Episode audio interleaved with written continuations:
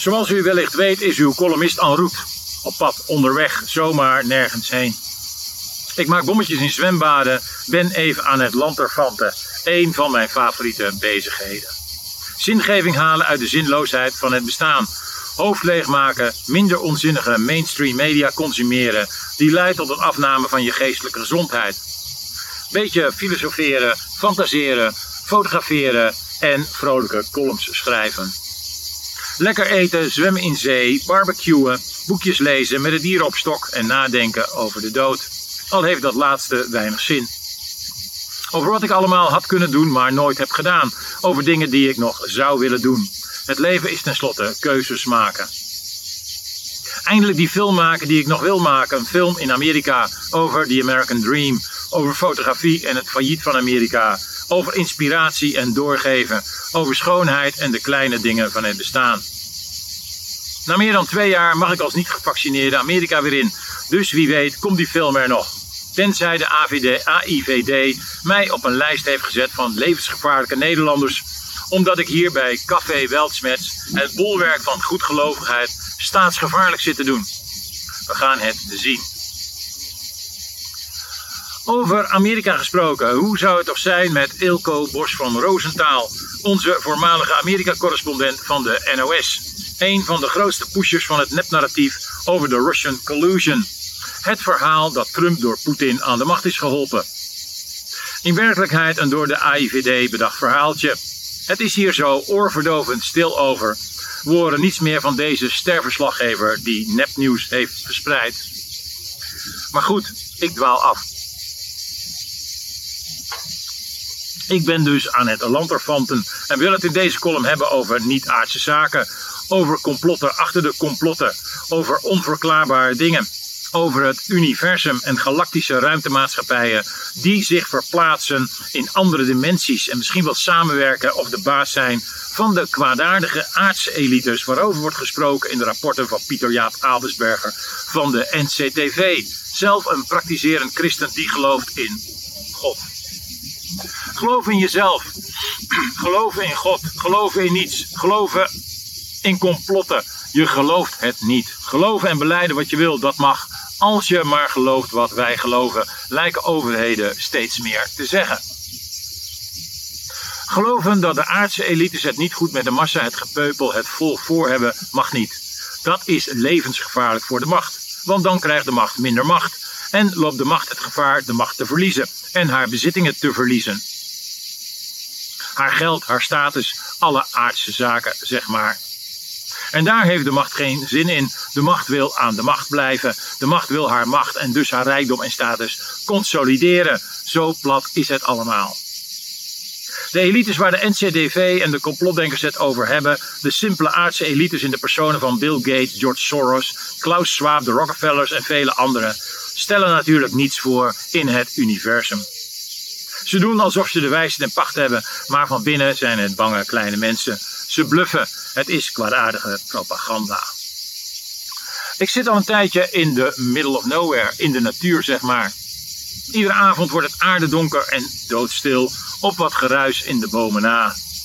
Overdag in de, in de zinderende hitte hebben de krekels het voor het zeggen, zoals u wellicht hoort.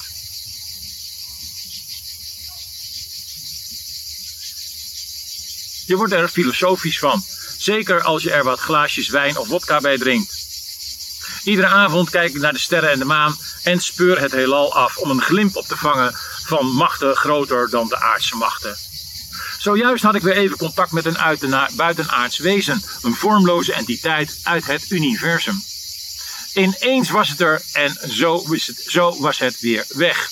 U heeft het helaas net gemist. Het zei dat ik op de goede weg was met mijn kleine bijdrage aan een betere wereld en mij geen enkele zorg hoef te maken over kwaadaardigheid van de elites veel groter dan de aardse elites. Als dingen op zijn einde lopen zoals nu op aarde, ontstaan er mogelijkheden om het anders te doen. Heel anders, zei mijn vriendelijke informant uit een andere dimensie. En weg was het weer. Sinds ik vorig jaar in coma heb gelegen, zie ik dingen die anderen niet zien. En sta ik in contact met buitenaardse entiteiten die regelmatig voor mij verschijnen. Vriendelijke, vormloze wezens die mij zacht en geruststellend toespreken.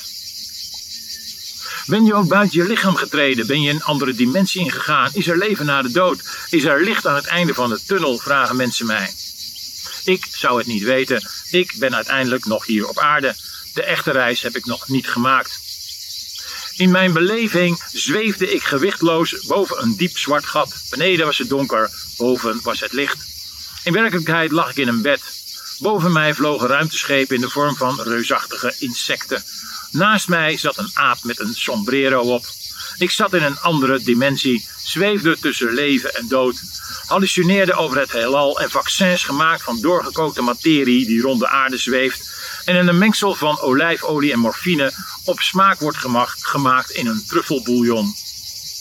Draagt dit vaccin nog ergens aan bij of vernietigt het straks alleen nog maar, spookte het door mijn hoofd. Veel vragen, nooit antwoorden. Tijd is geworden tot zomertijd en wintertijd. Zelf leef ik in de tijd die mij nog rest.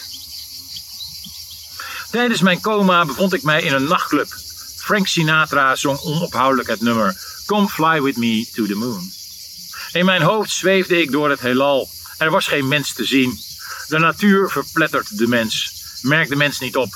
Er is geen enkele sprake van een dialoog tussen het universum en de mens. De natuur houdt van vernietigen, ruziesloos. Ik zweefde tussen lava en klotsende aardmassa's steeds verder weg van de planeet, zomaar nergens heen. Misschien wel naar de maan waar Frank Sinatra over zong. Ik had geen idee, ging mee met de flow, een diep zwart gat en af en toe wat aardse realiteit. Het leven is onbegrijpelijk en ik ben er ook even. Ik heb opgegeven hoe het zit. Ik heb geen idee, ik zie het wel. Toen mijn vader overleed, dacht ik: Vader, nu weet u eindelijk meer dan ik. Even een klein slokje in deze bloedhitte. NASA is de laatste tijd druk op zoek naar UFO's en buitenaards leven. Ze zien het als een mogelijke bedreiging voor de nationale veiligheid. Altijd maar weer angst prediken. Dezelfde angst als bij 9-11 en de COVID-hoax. We moeten in een permanente oorlog blijven zitten. Wel een Amerikaanse oorlog. War on terror, war on drugs, war on climate change. Komt er straks na wat aardse oorlogen in Oekraïne en misschien wel China ook nog een buitenaardse oorlog? Een war of the worlds, een war on the universe. Allemaal de schuilkelders in, dat wordt weer bibberen. Misschien wel vaccineren, inenten tegen aliens. Binnen blijven mensen voor je eigen veiligheid. Ik zie weer lockdowns aan de horizon. Volgens Chaim Eshet, voormalig hoofd van het Israëlisch militair ruimtevaartprogramma, hebben intelligente buitenaardse wezens al langer contact met Israëlische en Amerikaanse overheden. Machtige buitenaardse wezens zijn al onder ons, verklaarde hij in 2020.